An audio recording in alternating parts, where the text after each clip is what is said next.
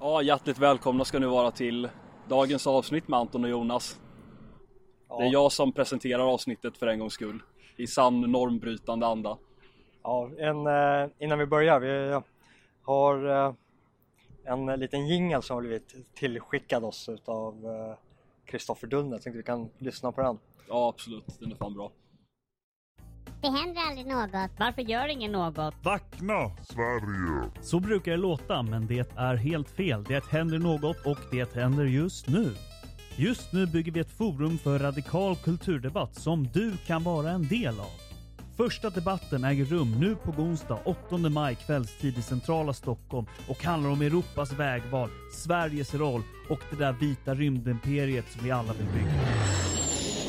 Erik Berglund från Den kokta grodan, Jonas Nilsson från Palestra Media, Marcus Folin känd som The Golden One och undertecknat Dalny, känd från eh, ja, den här podden som tydligen ska vara hela extremhögerns PR-maskin. Vita pillret. Köp dina biljetter idag på alternativt.se och var en del i något istället för att bara ta en del av något. Om ni vill komma så är det nu på onsdag 8 maj och eh, ni kanske har biljetterna på alternativt. Stämmer. Men eh, kvällens ämne? Ja, just det. Eh, vad ska man beskriva det som? Försvarsmaktens nya reklamkampanj som jag tror inte har gått någon stockholmare förbi i alla fall med tanke på att den sitter uppe i varenda tunnelbana i hela stan. Ja, det är ju nytt normbrytande försök där man för svenska försvarsmakten försöker omdefiniera bilden över eh, vad som är en krigare och eh, vem det är som egentligen passar in i, i den svenska försvarsmakten. Mm, och ehm, för er som till äventyrs inte har sett då så handlar det om att eh, de har posters på jag vet inte, alternativa människor kanske man skulle kunna säga. Människor som man vanligtvis inte skulle förknippa med soldatyrket överhuvudtaget. Ja, det är väl fyra posters vi har sett än så länge varav tre är kvinnor och den fjärde är eh, någon eh, Balettdansör, ja, som tillhör marinen. just Det, det. vilket är så lite intressant också för de försöker sig på en så här normbrytande reklamkampanj för att rekrytera till Försvarsmakten. Och så menar de på att eh, folk i flottan skulle vara lite lätt fjolliga. Snarare kanske förstärker en redan så här cementerad bild av de olika vapengrenarna. Just det, YMCA va? Ja, Den är fan tung alltså, undrar om någon tänkte på det. Eh, ja, det var ju på, på min tid när jag gjorde värnplikt så brukade man ju skoja om att man skickade sådana människor då till, till Gotland eller till, till marinen. Men eh, det är väl kanske inte riktigt det som åsyftades nu. Men eh, det finns en eh, intressant sak i det och det är ju, ja, men som vi var lite inne på, betraktelsen till krigaren och vem det är som egentligen hör hemma i, eh, i Försvarsmakten.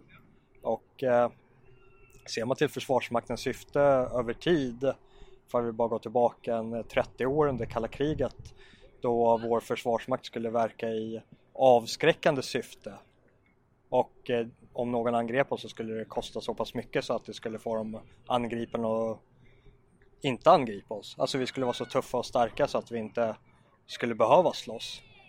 Och sen så har det behovet av försvarsmakten transformerats efter kalla krigets slut. Vi har inte haft samma behov utav en försvarsmakt i syfte av att försvara nationen och det omvandlades till ett insatsförsvar där vi skulle arbeta för att eh, bevara freden i, i fjärran land och eh, då behöver man inte kanske jag vet inte om Försvarsmakten hamnar i någon kris i det läget över vad det är för personal vi behöver från kontra när syftet är att förbereda sig för ett krig och om nödvändigt också utkämpa kriget och när det syftet ändras till att ja, vi ska agera eh, fredsbevarande i till exempel eh, Afghanistan. Alltså det har ju påverkat bilden av eh, professionen över vad de själva ansett sig behöva. Och sen nu så håller vi på att transformeras tillbaka till något form av totalförsvar men vi har inte gått tillbaka till eh, bilden av krigaren som vi hade då under kalla kriget utan vi har behållit eh, den här förvirringen över vem det är som behövs i Försvarsmakten för att bevara en fred. Mm, just det, jag kommer, att, jag kommer att tänka på en, eh, en ikonisk dokumentär som kom ut för många år sedan som jag tror att du säkert också sett. Den heter Blod, svett och bajs Ja, och handlar om kustjägarförbandet. Eller kustjägarförbanden och eh, alltså, finns det någon Finns det någon, någon typ av, av militär som jag associerar med just kalla kriget så är det faktiskt kustjägaren. Mm. Som den kanske mest ikoniska figuren. Hårdhudad, lerig, hård liksom i alla avseenden. Redo att göra allt för att försvara fosterlandet. Ja, den, på den tiden så rekryterade man också med liksom en bild utav tuffhet. Kom och testa det, se var dina gränser går. Gå från att vara pojke till att bli en man bland, eh, bland män. Och det finns ju en ganska så här, djup antropologisk förankring i den bilden utav Försvarsmakten över att eh, i många kulturer och civilisationer så har mannen och krigaren varit synonymt och eh, det, det värnplikten har fyllt för syfte har just också varit den här bilden över att om man tar bort eh, pojken från familjehemmet och eh, gör, förvandlar han till en försvarare av samhället och sen skickar man tillbaka han in i samhället då som, eh, som en man istället för, han lämnade som pojke men återkom som, som en försvarare, som en man. Mm, precis. Men, men det är väl en del av det här normbrytande arbetet då. Att eh, det, är en, det är en ganska stor sak egentligen att när man tittar på de här affischerna. Jag vet att Försvarsmakten har ju hållit på med otroligt töntiga rekryteringskampanjer nu under många år. Eh, För ett par år sedan så var det ju någonting i stil med att eh, det var folk som satt och gjorde excentriska saker. Det var någon snubbe som satt typ i en plastbubbla eller någonting. Ja. ni hör hur dumt det låter men det är faktiskt den typen av material man har gjort. Och jag kommer ihåg att det var några militärer som Reagerade på det. Ja, men eller som faktiskt spelade in eget material och la upp en helt annan typ av film. Ja. När man faktiskt fick någon sorts inblick i den operativa verksamheten då som såg ut på ett helt annat sätt och hade lockat helt andra människotyper. En människor som möjligtvis skulle kunna bli lockad av, av den där typen av material. Ja, för, för, det, för det blir en tvåfald effekt. Dels så lockar eh, Försvarsmakten till sig det här klientelet som eh, kampanjen är riktad emot. Och kampanjen är uttalat inte riktad mot de som du förväntar dig ska vilja söka till Försvarsmakten. Nej, precis. Utan det är tvärtom, utan kom som du är, alltså vad, vad den avvikelse du är i civilsamhället och så får du utrymme att vara det i Försvarsmakten. Dels så kommer man få in sådana människor, men det kommer också ha effekten utav att människor som tar en stolthet i Försvarsmakten och kanske satsar på en karriär i Försvarsmakten utav rätt anledningar väljer att lämna det på grund utav den här respektlösheten till, till det skrået över vad det innebär att vara en försvarare av samhället.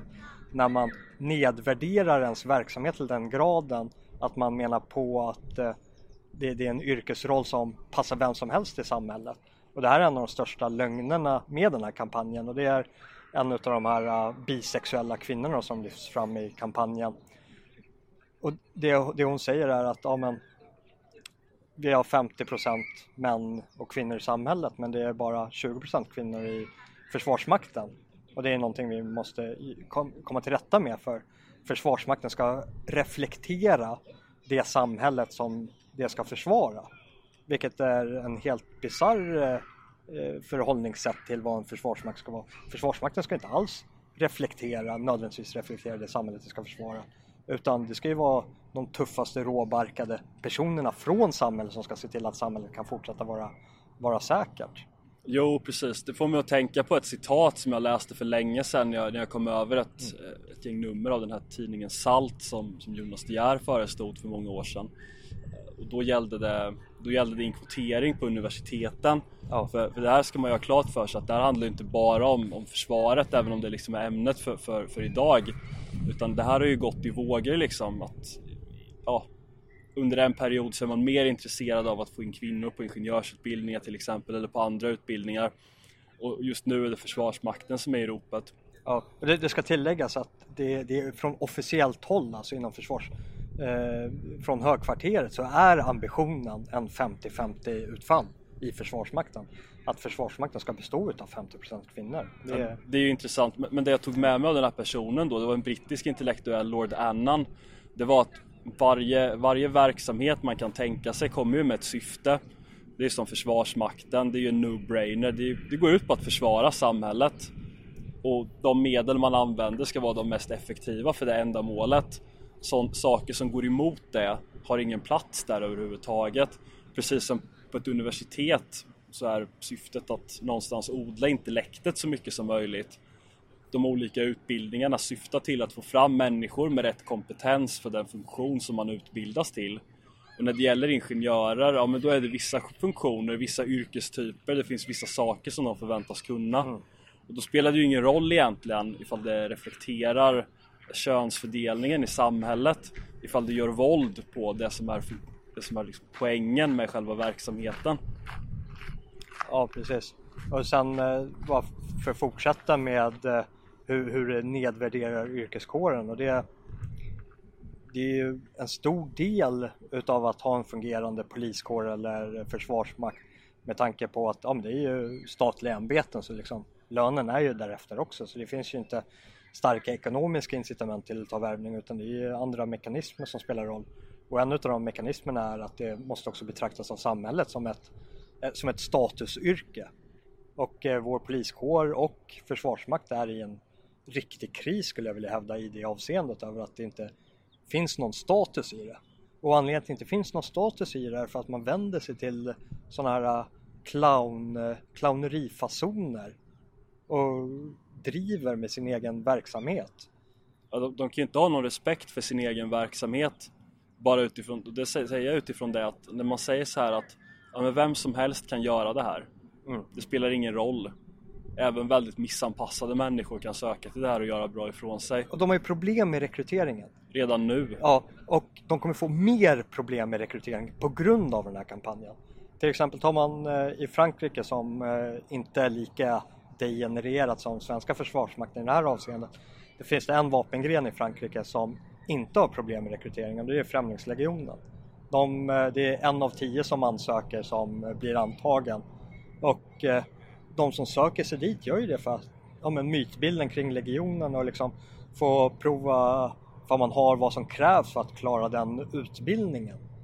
Och om du ser på legionärens eh, rekryteringsaffischer att eh, små bisexuella tjejer och balettdansösande liksom eh, mesar har vad som krävs för att genomföra den här utbildningen så kommer det också få effekt på att folk inte söker sig till den här utbildningen för att se om de har vad som krävs för ja, de kommer konkurrera med människor som uppenbarligen liksom inte skulle klarat det om det inte hade varit eh, eh, förändrade villkor över tid som har släppt in de här människorna in i den här yrkesrollen. Och det, är så här, det finns avgörande biologiska skillnader mellan män och kvinnor i fysiologin och även i andra aspekter som omöjliggör att faktiskt ha en 50-50 ambition.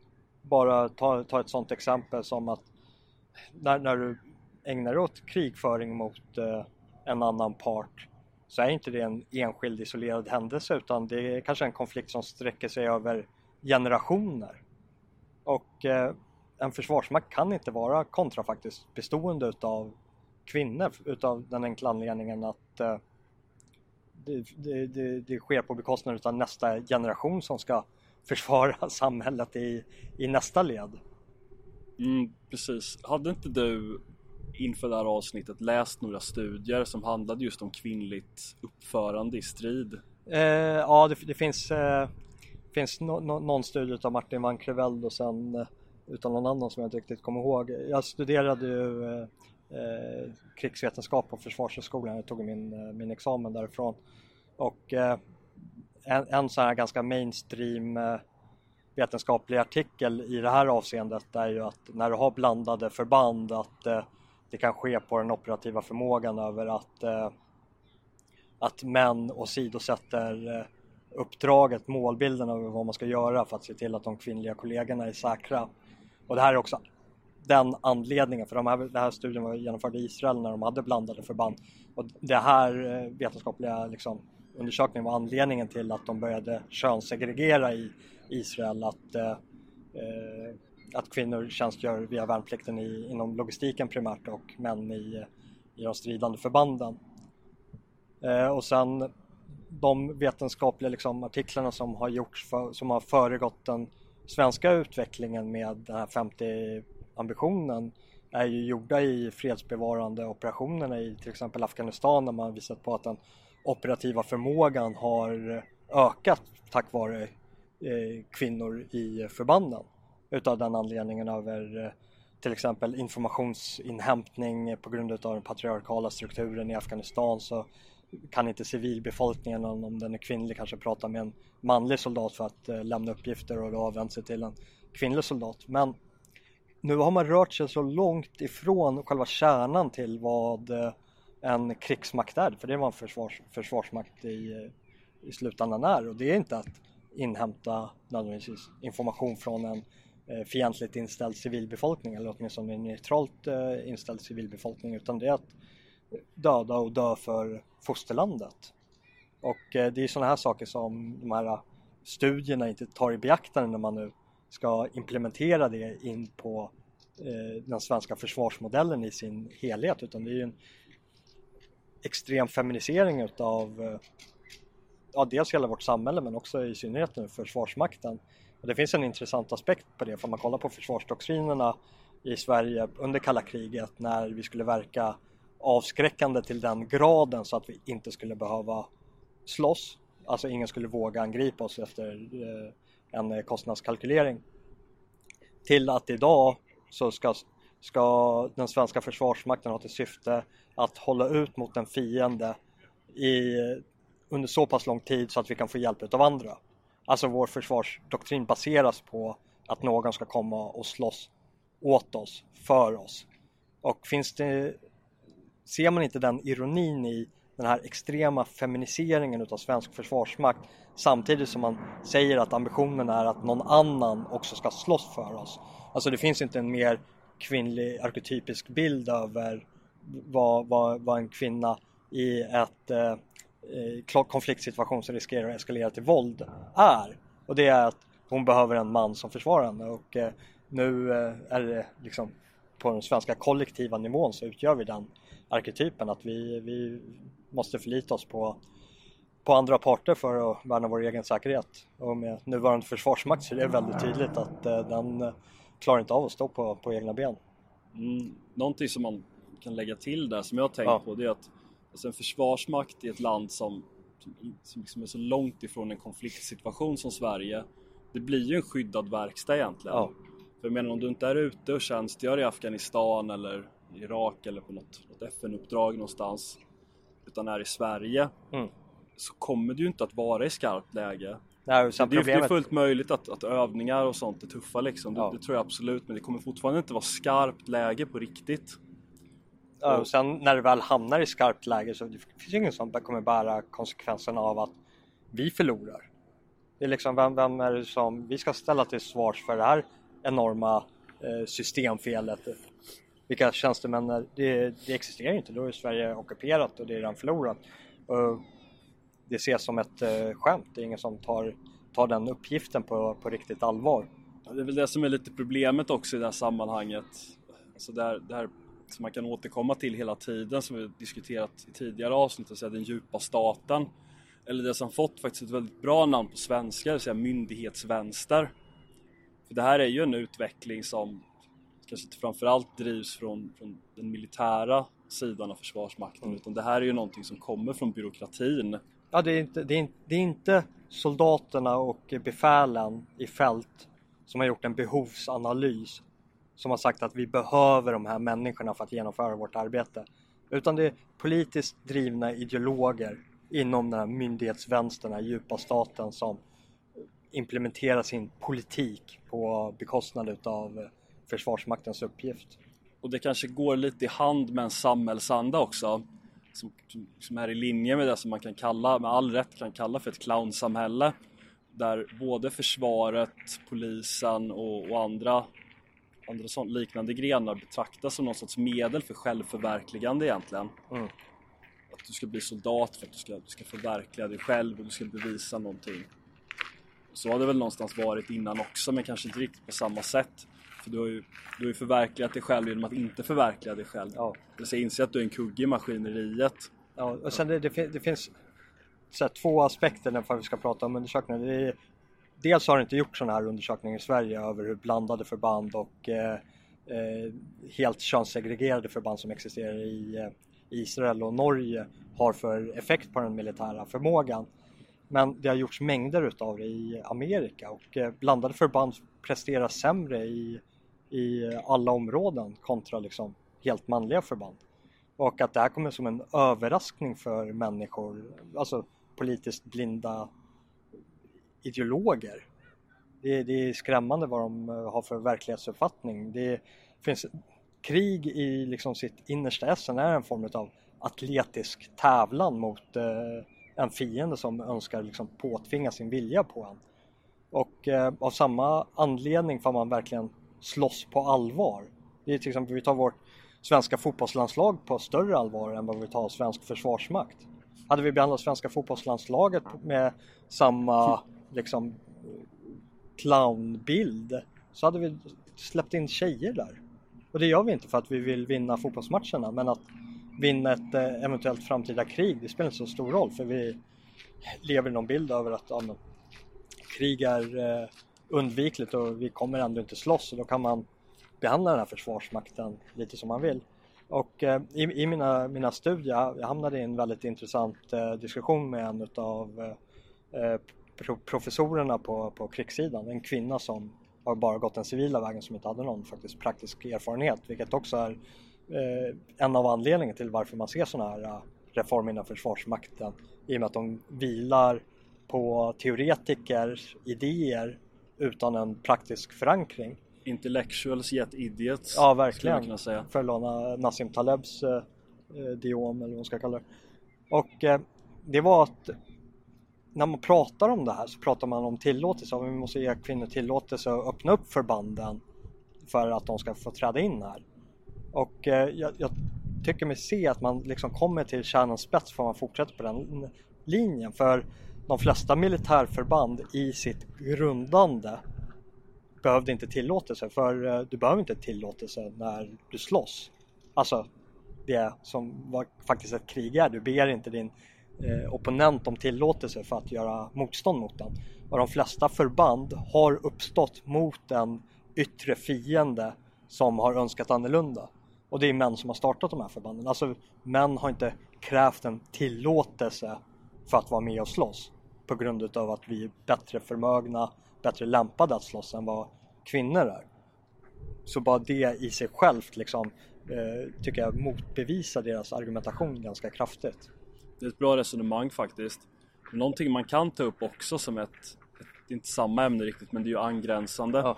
Det är att samma utveckling håller på att ske inom polisen också. Ja, ja det, för det är vad det är. Och det, det här är ganska intressant för en av huvudargumentationerna man har inom att vi skulle släppa in poliser eh, eller kvinnor in i polisskrået var att eh, de kan verka lugnande. Att det eskalerar våldsamma situationer med förövare. Det tror jag i och för sig att det kan Ja, många, ja, men, ja, fall. ja, men det, det är liksom argumentationen för det och eh, det kan mycket väl stämma att det kan ha en lugnande effekt över att eh, kriminella element inte gör så mycket motstånd som de hade kanske gjort ifall det hade varit en man. Alltså, Det, det stämmer, ut, det, det kan jag säga att det stämmer nog utan tvekan. Ja, Just det- för att män har en högre våldstrappa när det kommer till kvinnor än när det gäller andra män. Det intressanta är att Okej, så kvinnor har en deeskalerande effekt på våldet Mm. och det är anledningen varför vi rekryterar dem som poliser. Militärens syfte är inte att deeskalera våldet. Det är om något politikernas syfte för man betraktar kriget som en fortsättning av eh, politiken med andra medel för att använda Clausewitz. Eh, och eh, då är soldaten, krigarens enda syfte är att eskalera våldet. Och ska man utifrån kompetensdriven analys släppa in kvinnor i det här avseendet så måste de antingen vara lika bra som männen eller bättre än männen till att göra det.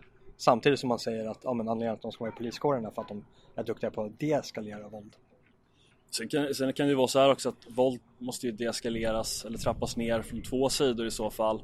På en punkt så är det ju så att gärningsmannen då Ja. upplever att om det är en kvinna då, då är jag inte lika benägen att använda samma samma nivå av våld som om det vore en annan man. Ja, Men samtidigt så finns det ju en annan slagsida där som man inte riktigt tänker på. Och det är just att när kvinnor arbetar i, i yttre tjänst på det sättet så har de så gott som alltid nackdelen att de är mindre fysiskt kapabla än vad män är. Och det gäller ju inom alla uniformsyrken. Och det skapar ju ett osäkerhetsmoment för dem själva och faktiskt också för, eh, för personen som, ja, som eventuellt ska gripas då. Och det har ju stormat mycket kring ordningsvakter och liknande de senaste månaderna. Det har ju varit en del ingripanden i, i Kista, i Rinkeby med mera som har fått väldigt så, överdrivet mycket medial uppmärksamhet på ett sätt som inte har varit försonligt. Och det bottnar ju mycket i att många, många mediemänniskor som tittar på det här de förstår inte vad, de vet nog inte riktigt vad våld är för någonting och de förstår nog inte riktigt vad som är ett rimligt ingripande och vad som inte är ett rimligt ingripande. För om, för om det är så här att det, ja, säg att det är två ordningsvakter då. Ett bra exempel det som hände i Malmö för några år sedan. När det var några unga killar som, eh, ja, hade- de hade avvikit från något HVB-hem eller liknande. Två ordningsvakter kom på dem. De var i kontakt med polisen. De fick order från polisman om att de skulle hållas kvar och då är det bara att göra så för polisen och ordningsvakternas förman och ha den, ha den bestämmande rätten. Och en av killarna motsätter sig och det blir en brottningsmatch av det. Och folk som såg det här, i synnerhet då journalister och vänstermänniskor i allmänhet, de tyckte oj det här är ju fruktansvärt, de brottas ju med honom. Men vad de inte förstod att det är ju ett humant tillvägagångssätt. För om en person är så aggressiv och motsätter sig på det sättet och vakterna nöjer sig med att brotta ner personen då, då har de gjort någonting humant för de skulle lika gärna kunna dra en batong i huvudet på honom och släcka honom. det var ju det som hände i Stockholm med, med filmen som gick viral med den eh, kvinnliga polisen som slog och slog och slog och slog utan effekt. Alltså hon var oförmögen till att brotta ner förövaren och valde att ta sitt tjänstevapen i form av batongen och bara veva, veva och det såg ju, alltså det såg ju liksom hemskt ut. Jag har sett någon liknande film för ett par år sedan. Det handlar om någon hemlös man som, som står och säger något dumt liksom som, som gamla hemlösa alkisar gör för de vet inte bättre. Alla som har alla som har jobbat som väktare eller ordningsvakter och träffat på sådana människor att de, de, de vet att det är sådana de är liksom. De har hållit på länge med sitt missbruk, de är inte helt tillräkneliga. Men i de flesta fall så är de faktiskt harmlösa, man bara vet hur man ska snacka med dem. Men, men den här kvinnan då, hon fick ju frispel på honom och släppte sin hund på honom och började dunka på honom med batongen och allt möjligt. Och det är liksom det som, som man kanske inte riktigt tänker på när det gäller kvinnor och män. Men om, om du är väldigt fysiskt stark eller duktig på att brottas, då kan du brotta ner en person. Även om personen är väldigt aggressiv. Och det kanske slutar med ett par blåmärken, men det blir faktiskt inte värre än så. Men om du inte kan brotta ner personen, då måste du kanske dra batong eller ännu värre dra ditt tjänstevapen. Och då kommer det bli våldsamt på en helt annan nivå. Ja, det, finns ju en eh, studier, jag kan lägga alla länkar till, till de olika studierna i beskrivningar under, men det finns ju en studie gjord i Amerika också som påvisade att eh, kvinnliga poliser har närmare att dra sitt tjänstevapen, alltså pistolen, och vara inblandade i mer eh, skottlossningar än sina manliga kollegor. Just på grund av det du är inne på, alltså att de har inte samma kompetens till de lägre stegen på våldstrappan. Alltså från tillsägelse och liksom fysisk beröring. Utan de måste liksom hoppa över dem och eskalera då onödigt snabbt i, i våldstrappan. Det var ju en händelse som ägde rum förra sommaren som faktiskt kan vara värd att nämna i det här sammanhanget. Och det är, det är faktiskt, en, det är faktiskt en, man, blir ald, man blir sällan förvånad längre men det är faktiskt bland det mest bisarra jag har hört. Och det handlade ju om att det var en, någon ki, en kille med, med down syndrom som hade lyckats smita ut från sin pappas lägenhet och hade, fick med sig en leksakspistol och, och liksom sprang runt i, i grannskapet. Och då kommer det dit tre poliser på ett annat larm och, och till deras försvar då kan man väl säga att de, de, de, visst, de, de trodde att det fanns någon fara i närheten. Men de ser alltså den här personen på en innergård. Han, han gör någonting, det är fortfarande oklart vad. Eh, de stora dagstidningarna har skrivit ganska mycket och ganska utförligt om det här. Men det har fortfarande inte riktigt kommit fram vad, vad gjorde han som var så otroligt provocerande. Men det slutar alltså med att alla tre får mer eller mindre panik och tömmer sina magasin på honom. Och framförallt en kvinnlig polis då som, som liksom tog täten fick sån dödsångest nästan att hon tömde hela sitt magasin på honom. Ja, och... Eh, Där kan man ju tala om våldseskalering. Ja, och hon blev ju också... Det, det valdes att inte... Åklagaren valde att inte gå vidare med det så det, det hon gjorde var då inom rimlighetens gränser för att vi ska betrakta det utifrån lagens perspektiv. Jo, vilket man liksom, man, man kan häpna över sådana saker. Att då ska ordningsvakter som har brottat ner någon eh, säga upp sig och bli uthängda i media. Ja. Och det är också så här, eh, en av eh, de här tunga argumenten till varför man ska tillåta kvinnor in i Försvarsmakten baseras ju också på den teknologiska utvecklingen över att du behöver inte samma fysiska styrka för att liksom trycka på en avtryckare kontra som det var förr i tiden att svinga ett svärd. Och eh, man tar sådana genvägar med om där för man liksom kollar till själva essensen alltså utav att vara, vara en försvarare kontra någon som behövs försvaras. Alltså att det finns andra biologiska påverkan inom den här teknologiska utvecklingen. Dels så kan man inte alltid förlita sig på, på det teknologiska i form ja, ni som är i min åldersgrupp vet att när den första bilen ni körde hade säkert inte servostyrning. Och det är ju samma sak med liksom, militära material liksom, oavsett om det är eh, till, till sjöss, havs eller liksom mark, markfordon. Och är det så att servostyrningen slutar fungera, om du, du måste kunna backa upp teknologiska eh, haverin med eh, gammal klassisk muskelstyrka. Och sen så är det så att infanteriet och liksom jägarförband, alltså man måste fortfarande kunna röra sig fritt i små mobila eh, grupperingar med ganska mycket packning och är det så att du har människor med dig som inte är lika kapabla som eh, vad män är, ja då kommer de övriga männen i den gruppen att behöva bära extra än vad de eh, annars hade gjort. Mm, precis. Och sen jag ska säga att liksom jag, jag, jag är inte helt emot eh, kvinnor i, i Försvarsmakten utan det är att man måste göra en väldigt tydlig distinktion över ja, Försvarsmaktens olika grenar och vad de har för syften. Och eh, kollar vi i ja, men hela mänskliga historien så har kvinnor alltid haft en del in, inom det totalförsvaret på sättet som vi har Försvarsmakten idag. Då har det varit främst inom logistiken, liksom när romarna drog fram sina legioner så var, hade de ju nästan ett civilsamhälle i, i följe. Ja, i trossen. Så, ja, alltså, och, det väl varit, var det väl länge liksom, ja. långt fram i tiden egentligen. Ja, och det, det ändrades först eh, framåt 1800-talet i, i, svensk försvarsmakt då, då man valde att eh, formalisera eh, den här eh, civila trossen in till försvarsmakten och då fick samma roll som soldaten. Alltså det, den här lingvistiska skillnaden som eh, skilde dem åt sedan tidigare, alltså krigaren, den som tar del i den väpnade striden kontra de underhållsförbanden som ska se till att eh, krigaren kan ut, ha de resurserna som behövs för att utkämpa, utkämpa slaget. Erhöll då samma namn och under samma baner liksom, med soldaten under svensk försvarsmakt. Mm, jag betraktar det här som en allmän, i brist på bättre ord, medelklassifiering av, av uniformsyrken eller yrken som traditionellt sett har, har varit till för en viss typ av människor. Visst, det, det har varit från alla samhällsklasser så här, men det har, det har framförallt polis, eh, militär och så vidare, det har framförallt attraherat en viss typ av människor. Men nu, nu har man från överhetshåll fått för sig att man vill ha in en, hel, en helt annan typ av människor egentligen. Det märks ganska tydligt när de flyttar eh, polisutbildningen från Sollentuna till Södertörn att man har liksom slagit an på en annan sträng. Man vill ha in andra typer av människor.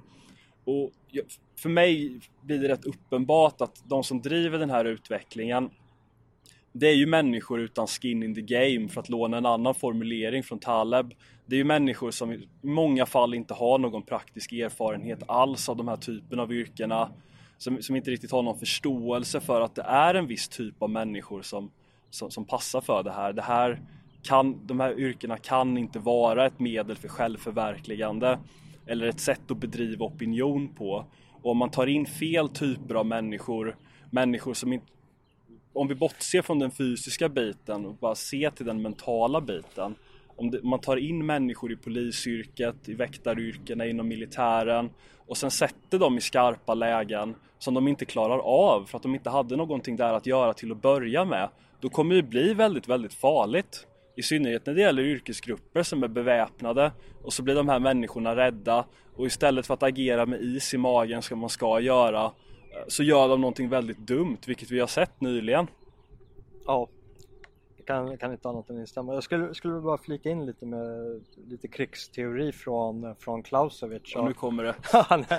Nej, det, det, blir, det blir ingen tung, tung bomb. Men eh, eh, han pratar mycket om krigets friktioner över att eh, Ja, det, dels kan man nämna att det finns två, två traditioner nästan, en från, som är spunnen från Clausewitz och en från Jomini. Och det, skillnaden är att betrakta kriget som en, eh, som en konst.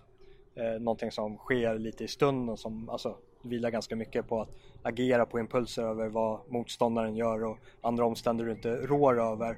Och de här sakerna du inte rår över eller kan förbereda eller planera det är då vad Clausewitz kallar för friktioner. Och eh, man måste vara förberedd på det oförberedda i krigssammanhang, alltså de här friktionerna. Och sen så har du en tradition från eh, Jomini då, som var en eh, fransk-schweizisk eh, militärteoretiker som mer betraktade kriget som en vetenskap, alltså att du kan ha en, forma, eh, en formel, alltså göra en matematisk liksom, kalkylering och det lägga, lägga fram det. Och eh, Sverige och Tyskland är, är mer utav den klass och vitziska skolan och Frankrike och Amerika är mer på den Jomini-skolan och för, för att veta liksom eh, vilken eh, vad ska man säga, idéhistorisk tänkare som det praktiska utförandet faller tillbaka på så kan man se i sin egen eh, försvarsmakt och sammanhang över hur till exempel ordergivningen ges. Får du order på vad som ska göras eller får du en order på hur någonting ska göras. Och desto mer någonting, hur någonting ska göras, desto mer sannolikt är det att det liksom är jomniansk och vad som ska göras så är det oftast klassificians för då överlämnas beslutet på personen som är närmast problemet över, ja, jag kanske måste frångå orden, jag kan bryta mot orden för att uppnå det här vad. Medan det blir viktigare att faktiskt följa orden ordagrant i, i hur-sammanhanget. Det, det, var, det, var, det var en liten så här sidoutläggning.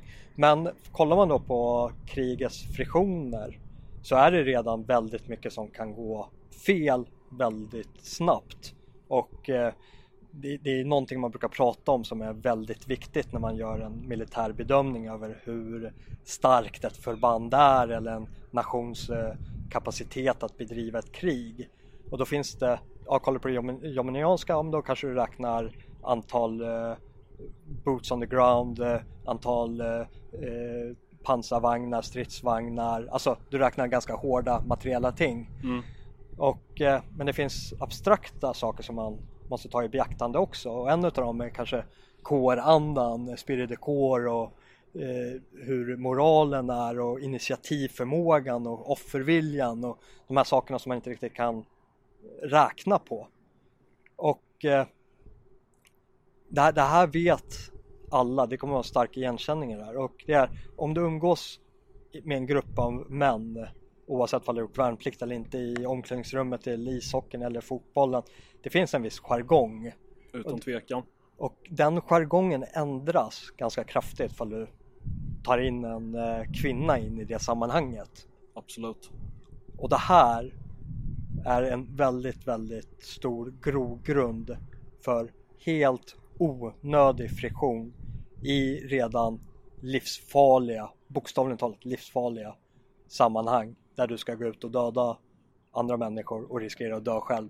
Alltså du, du kryddar den eh, laddade situationen med någonting så helt onödigt som att eh, eh rubba den här eh, esprit de corps, kårandan och som, som de flesta militära eh, förmågor vilar på ytterst. Alltså det är inte det här, det här kommer från Martin, Martin Van Crevell och det är det som avgör kriget, det är männen som utkämpar dem. Det är inte den materiella och teknologiska utvecklingen utan ett krig utkämpas så länge som män är villiga att utkämpa dem. Och eh, det, det, det, finns något essentiellt i det. Och det är vad, vad som en försvarsmakt kan falla tillbaka på. Och det spelar liksom ingen roll om du har eh, alla stridsflygplan, eh, alla attackplan och alla materiella ting du tror dig behöva för att vinna ett krig. Det finns fortfarande andra saker som spelar väldigt stor roll och det ser man väl eh, om inte annat med eh, Amerikas förlust i Vietnamkriget och Eller deras eh, katastrofala försök att ta över Afghanistan. Exakt. Jag kommer att tänka på någonting som, som folket i Afghanistan brukar säga till journalister som är där att ni har klockorna men vi har tiden. Mm. Ganska bra uttryck faktiskt för att förklara vad det handlar om. Just där ett folk som, som just bara har sin, sin, sin mentalitet Mm. kontra då en, en annan makt som har, som har allt, allt det här teknologiska men som, som kanske inte riktigt har entusiasmen egentligen för att ens vara där. Ja, och här, här har vi också krigets friktion för att vi nu ska ta Afghanistan. Amerika hade inte det här problemet i Vietnam för den här processen hade inte gått lika långt i Amerika då som det har gjort idag. Sverige har ju liksom, vi är en avart. Alltså Amerika är på väg i våran riktning men de är inte i närheten av, av där vi är. Men de har fortfarande tillåtit in eh, kvinnor i stridande förband och de har öppnat upp för dem i deras specialförband utav Rangers och sånt där. Och när de ska skickas ut till Afghanistan om eh, du, du begår ett brott. Alltså det här, det här var dödsstraff i Sverige för bara några årtionden sedan. Nu, nu är det avskaffat även i krigstillstånd. Och det är att om du sätter dig ur stridbart skick med flit så begår du ett brott. Att bli gravid är en handling som är gjord med flit som sätter dig ur stridbart skick vilket medför att de inte kan skicka ut dig på din deployment. De har alltså förberett en grupp över en viss tidsperiod för att sätta in i ett skarpt läge och sen är det personer i den gruppen som får kalla fötter och inte vill åka och väljer då att bli gravida. Och det här är ett gigantiskt problem i den amerikanska försvarsmakten. Att de förlitar sig på personal som de inte kan förlita sig på. Och hur löser man ett sådant problem? Ja, det finns väldigt inhumana sätt att komma till rätta med det som eh, har använts utav, nu kommer jag inte ihåg vilken, vilken gerillarörelse det var, men de tillät också kvinnor i, i eh, jag tror det var i Indonesien och blev en kvinna gravid där. Ja, men de behandlade det som att eh, de satt i frivilligt i stridbart eh, skick och eh, avrättade personen. Och det är liksom inte för att det, det, det är en signal till andra att inte göra samma sak. Och det, krig är väldigt inhumant. Och där, de här kvinnorna och den amerikanska försvarsmakten kommer undan med den här friktionen på grund av att de spelar på ett sånt överläge mot de andra nationerna som de är i konflikt med. Hade de däremot mött krigat på riktigt så att säga. Jag säger inte att det är ett låtsaskrig de bedriver där men det är liksom, tar du inte det på allvar så kan du skicka dit eh, svensk försvarsmakt med våra genuspedagoger liksom, för det spelar ingen, spelar ingen större roll liksom. Vi spelar i division 5 liksom. Vi kan, eh, vi kan skicka våra, vårt B-lag ganska bokstavligen. Och eh, ja, men har du det övertaget som Amerika har, då, då kan du lätt sopa sån här friktion under mattan. Och det kommer ju först komma upp om de möter en fiende som är jämbördig som väljer att gå en mer effektiv och eh, slimmad väg för att eh, bemöta en fiende. Jag, jag kan inte annat än hålla med. Bra sagt. Ja. Sen, ja, jag vet inte, har du, har du någonting mer? Eh, nej, faktiskt inte. Ja, jag kan, jag kan. Det, finns, det finns en ganska intressant eh, tagning på mänskligheten och det är att eh, människan är det enda, enda djuret som faktiskt bedriver organiserat våld gentemot varandra, alltså den formen av krigföring och det ses som någonting väldigt, väldigt mänskligt och eh, jag tror att nu, nu får autisterna i publiken säkert rätta mig ifall vi har fel, men vi kanske har en nedtecknad eh, historia på 5000 år. Alltså mänskligheten, kan, vad ska vi säga, att den är 250 000 år. Men vi har liksom dokumenterad mänsklig historia på 5000 år. Utav de här 5000 åren så är det ungefär 200 till 250 år som har betraktats som icke krigförande år. Så där har du liksom mänskligheten i ett, i ett nötskal. Och eh, det är ju mest det, det är ju någonting här också vi är överens med eh, feministerna i FIL liksom att ja, men det är män som krigar, ja, men så är det men vi behöver män som krigar för att hålla andra män som krigar borta. Det är liksom det här klassiska talesättet om att ja, men det är goda män med våldskapacitet som håller borta onda män med våldskapacitet. Men det jag tänkte komma till för att vi ska prata i evolutionära termer det är att det finns eh, primater som bedriver krigsliknande operationer i form av räder, alltså schimpanser som gör fientliga räder mot andra grupperingar utav schimpanser. Och då har man noterat att det, det är en manlig syssla även där. Men att det finns vissa avvikelser hos honorna. Att ibland så kan det vara en hona som hänger med det här manliga gänget som åker ut på en räd. Men de hänger med ut till ytterkanten och sen så blir de lite passiva. Räden genomförs, de slår ihjäl en fientlig schimpans och sen så springer de tillbaka och den här honan hänger med. Eh, det är liksom, ja, det existerar. Men det betyder inte att det ska bli normen. Eh, det ska inte vara, vi ska inte fabricera ihop något normativt uttryck som inte är i linje med, med vår biologi. Och eh, det, det, det är väl liksom min största kritik mot den här kampanjen att eh, det är så väsensskilt från, från vad vi är. Speciellt för att vi vill överleva över generationer. Det, Mm. Jo men verkligen. ja, en stam kan inte överleva om en, de skickar sina kvinnor ut i, ut i strid. Det, det, det går inte för stammen kommer dö ut. Ja, oavsett, ga- Ganska bokstavligt. ja, oavsett hur det går i kriget. Oavsett, och det är också så här, ja men kvinnor har varit med och krigat i till exempel Sovjetunionen och de, de brukar lyftas upp som ett exempel. Ja, men det, det finns kvinnliga, duktiga kvinnliga krypskyttar och det har varit duktiga kvinnliga sovjetiska infanterister och sånt där. Och eh, det som har hänt efter eh, när de har kommit tillbaka att de har den kvinnliga biologin är känsligare än vad mäns biologi är. Män kan komma tillbaka från fronten och deras reproduktion fortfarande fungerar. Stora delar av de här kvinnliga infanteristerna kunde inte få barn efter på grund av liksom bara den otroliga mentala påfrestningen på, på deras kropp satte det biologiska systemet ur spel så att de inte kunde bli gravida. Alltså det, det kom, är det någonting som är misogynt så är det att behandla kvinnor som om de vore män.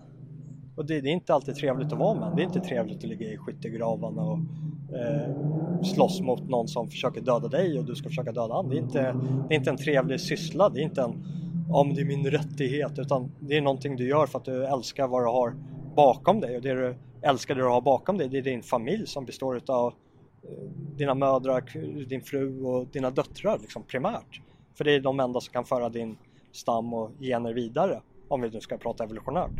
Det är samma sak för att vi ska prata evolutionär psykologi. När, vi- när man, för man ska ta de här sovjetiska infanteristerna som inte kunde få barn efter. Män har svårare att få posttraumatisk stress på grund av att vi måste kunna utsätta oss för de här miljöerna och det sexuella urvalet över tid har säkerställt att vi, vi kan vara i de miljöerna och sen komma tillbaka och vara någorlunda välfungerande i samhället efter. Medan eh, forskning har visat att det räcker med en stark eh, händelse för en kvinna att eh, utveckla ganska eh, eh stark PTSD. Och eh, det förklarar då liksom med evolutionärpsykologin över att kvinnor befinner de sig i den miljön så riskerar de eh, sitt essens av att vara kvinna vilket är att föda barn och därför reagerar deras kropp starkare i form av PTSD än vad det gör mot, eh, mot män. Intressant fakta. Ja, så det, ja, det finns, finns mycket på det, här, på det här ämnet i alla fall. Och, eh, det, ja, ska ni ta med er någonting från det här samtalet? Om ni hamnar i, i, i en situation där någon försöker kränka era rättigheter, alltså någon som försöker angripa er. Kommer du ropa efter en kvinna eller så kommer du ropa efter en man? Alltså det, det man, man ropar efter män för att komma till undsättning för, för att hjälpa en mot andra män. Det, det, det är så fundamentalt så att det känns nästan så här korkat att påpeka. Ja, det är ju ingen, som, ingen vettig person som liksom hamnar i trångmål och bara skickar fram sin flickvän och tar Nej. det. Det skulle ju inte hända. Nej, det är så verklighetsfrämmande. Vilket bra sammanfattande ord för Sverige. Ja, Clownsamhälle. ja. Eh, går ju tillbaka till också att ja, men vi, vi lever i den här illusionen av ja, vi har inte varit över, i krig över en väldigt lång tidsperiod. Vi pratar om 200 år. Vilket kanske har skapat en, en mental fredsskada över att vi saknar förståelse till vad krig faktiskt är. Och därmed kan eh, gör, göra vår försvarsmakt till en eh, clownarmé som folk skrattar åt. Alltså tänk på tanken att bara för 30 år sedan så hade vi en försvarsmakt som verkade avskräckande. Alltså folk skulle vara rädda för att angripa oss. Nu har vi en försvarsmakt som liksom ser jäckande inbjudande ut. Det, det, alltså det, det är sorgligt. Jävligt sorgligt. Ja. Ska vi avsluta den här Ja, Det sorgliga samtalet om sorglig ja. försvarsmakt. jag, jag, I händelse av krig så kommer jag försvara Sverige men inte i svensk försvarsmakt. Det får bli med, med andra medel. Mm, tack så mycket för att Ja. ni har lyssnat. Tack, hej!